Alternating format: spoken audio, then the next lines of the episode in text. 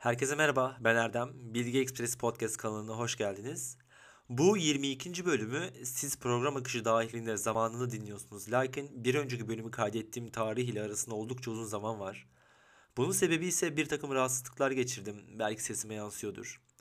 Bayağı bir sesim çıkmadı çok uzun süre. Ee, bu bölümü kaydederken biraz zorlanabilirim. Şimdiden kusura bakmayın. Birkaç bölüm daha kaydettikten sonra biraz ara verebilirim kişisel işlerimden dolayı. O arayı da yeni bölümlerin metnini hazırlanması hususunda değerlendireceğim.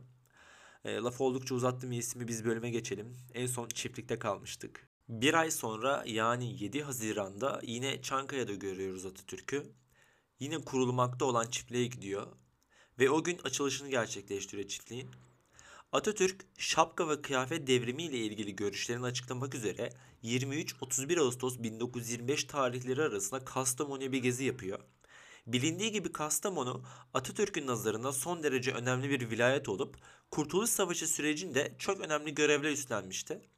Eli silah tutan insanlar cephede savaşırken geride kalan yaşlı insanlar, kadınlar ve çocuklar cephe gerisi faaliyetlerine görev almışlardı. Özellikle deniz yoluyla İnebolu'ya getirilen binlerce ton silah ve cephane bu bölgenin fedakar insanları tarafından cepheye taşınmıştı. Savaş sonrasında bu insanlarla konuşmak arzusunda olan Atatürk birkaç kez davet edilmesine ve kendisinin de çok arzu etmesine rağmen 1925 yılına kadar Kastamonu'ya gelememişti. Atatürk 23 Ağustos 1925 sabahı erken saatlerde Ankara'dan ayrıldı.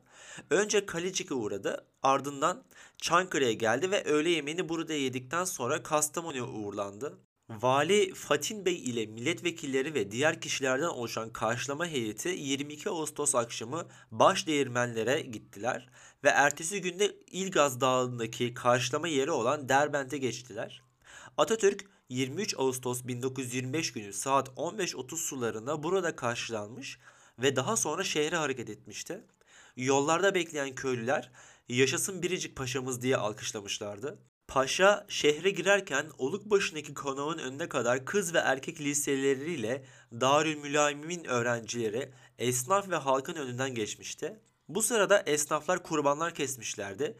Kısa bir süre sonra vilayeti ziyaret eden Atatürk yorgun olduğundan dolayı istirahate çekildi. Ancak halk gece konağın önünde büyük bir eğlence düzenlemişti. Odun ateşi yakan 40 çeşmeli ve vakıflı gençler Sepetçioğlu, çırdak ve topal koşma gibi mahalli oyunları oynamışlardı. Atatürk bir müddet bunları pencereden izlemiş ve daha sonra halkın arasına inerek bir saat kadar vatandaşlarla beraber oldu. Halk başları açık vaziyette ve Gazi Paşa nidaları arasında oyun oynamış ve tezahürat yapmıştı. Atatürk 24 Ağustos 1925 günü ikametine ayrılan Oluk başındaki Terzi Mehmet Emin Ağa'nın konağında öğleye kadar istirahat etti. Saat 15'te milletvekillerinden Fuat, Ali Rıza Talat, Ziya, Nuri, Fuat ve Miralay Alaaddin Beylerle birlikte kışlaya gitti ve askeri teftiş etti. Atatürk bu ziyaret esnasında askeri üniforma giymiş, beline kasatura ve göğsüne istiklal madalyası takmıştı. Askerlere çeşitli sorular sormuş ve aldığı cevaplardan çok memnun kalmıştı. Burada kışla ambarı ve koğuşları da gezdi. Bir koğuşta tank ve tayyare modellerini görünce iki askeri yanına çağırmış ve serbest dur konuşalım diyerek sohbet etmişti. Koğuştan çıkarken bir Türk on düşmana bedeldir yazılı levhayı görmüş ve subayı çağırarak öyle mi diye sormuştur. Evet Paşa Hazretleri cevabı üzerine Atatürk elini yukarı kaldırmış ve bence öyle değildir. Bir Türk dünyaya bedeldir demişti. Atatürk bu güzel ve anlamlı sözüyle bir Türk'ün dünyaya bedel olacak kadar güçlü olduğunu ifade ederek milli şuurun da en güzel örneğini vermişti. Atatürk 25-31 Ağustos 1925 tarihleri arasında İnebolu, Taşköprü ve Daday ilçeleri ile yol üzerinde bulunan Küre ve Devrankani nihayelerini de ziyaret etmişti. 25 Ağustos 1925 sabahı saat 2'de İnebolu'ya gitmek üzere Kastamonu'dan ayrılmıştı. Küre yakınındaki Ecevit geçidinde İsmail Ağa'nın otelinde bir süre dinlenmiş ve öğle yemeğini yemişti. Bu arada refakatinde bulunan Fuat Bulca ve Nuri Conker'e şunları söylemişti. Ne iyi ettik de bu seyahate çıktık. Kastamonulular, İnebolular bizi o kadar ağırlıyor, misafirperverlik gösteriyor ki biz bunların altına nasıl kalkarız bilmem. Ben memleketimizin her tarafını görmüştüm. Fakat bu havaliyi bilmiyordum. Halkımızın candan davet ve kabulleri ruhumu ve gönlümü iştişa içinde bırakmaktadır. Geceyi istirahatle geçiren Atatürk 26 Ağustos sabahı belediyeye gelmiş ve Başkan Hüseyin Karagülle'den çalışmalar hakkında bilgi almıştı. Burada Halk Fırkası, Ticaret Odası, Türk Ocağı, esnaf temsilcileri, kayıkçılar, kunduracılar, gümrük hamalları ile Abana ve Çetel Zeytin heyetlerini kabul ederek kendilerine sorular sormuş ve dertlerini dinlemişti. Kunduracı esnafının sermaye birikimi sağlayarak ihracat yapmalarını istemişti. Özellikle kayıkçılarla yakından ilgilenmiş ve onları öven sözler söylemişti. Daha sonra hükümet konağına gelen Atatürk burada resmi kurum mensuplarından bilgi almıştı. Adliye heyetinden en çok hangi davaların görüldüğünü, maliye memurlarından da en fazla verginin hangi kaynaktan alındığını sormuştu. Posta, telgraf, hastane memurları ile öğretmenleri kabul etmişti.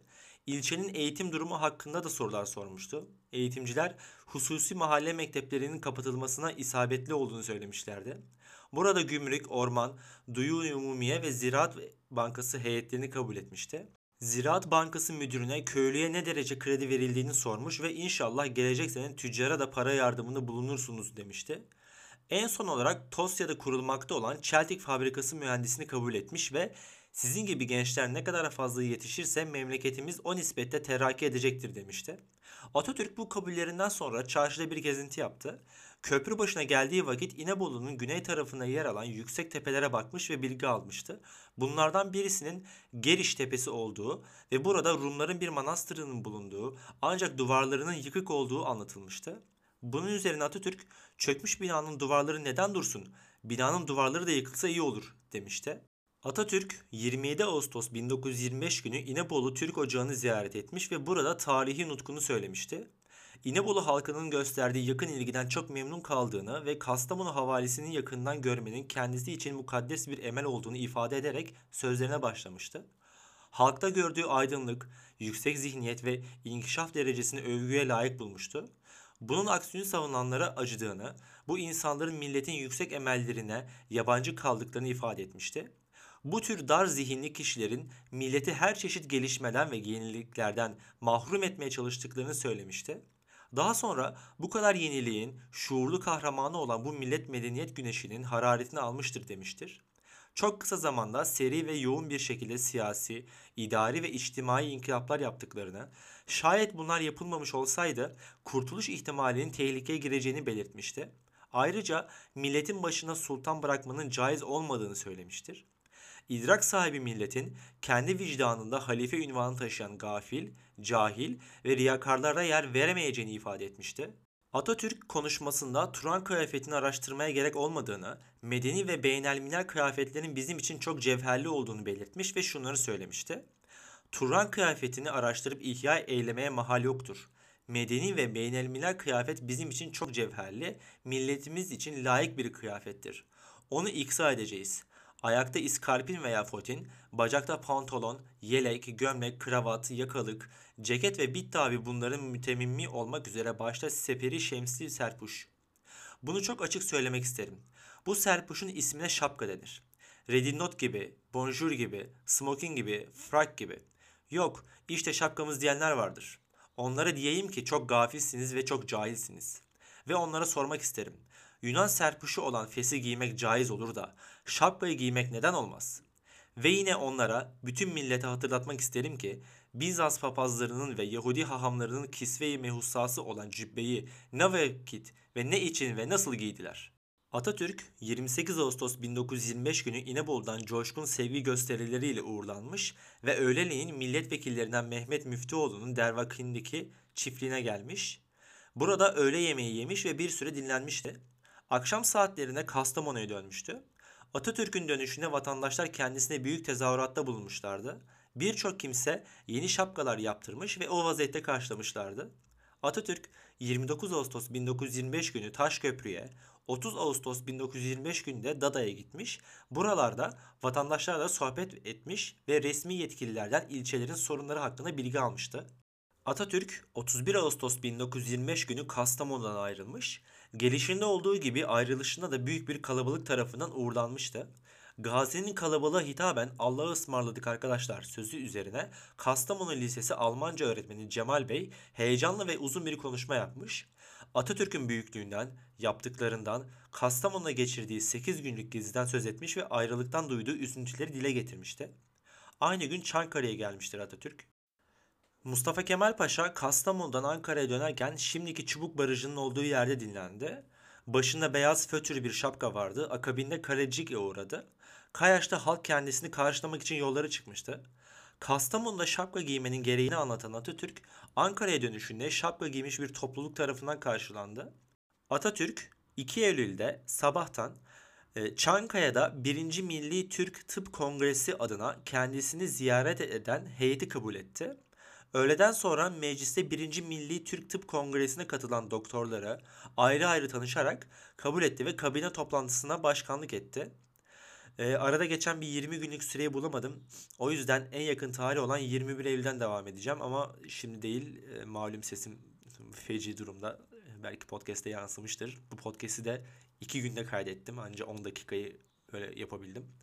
Kusura bakmayın. E, 21 Eylül'den devam edeceğiz bir sonraki podcast'te. Beni dinlediğiniz için teşekkür ederim. Bir sonraki bölümde görüşmek üzere. Hoşçakalın, sağlıklı kalın.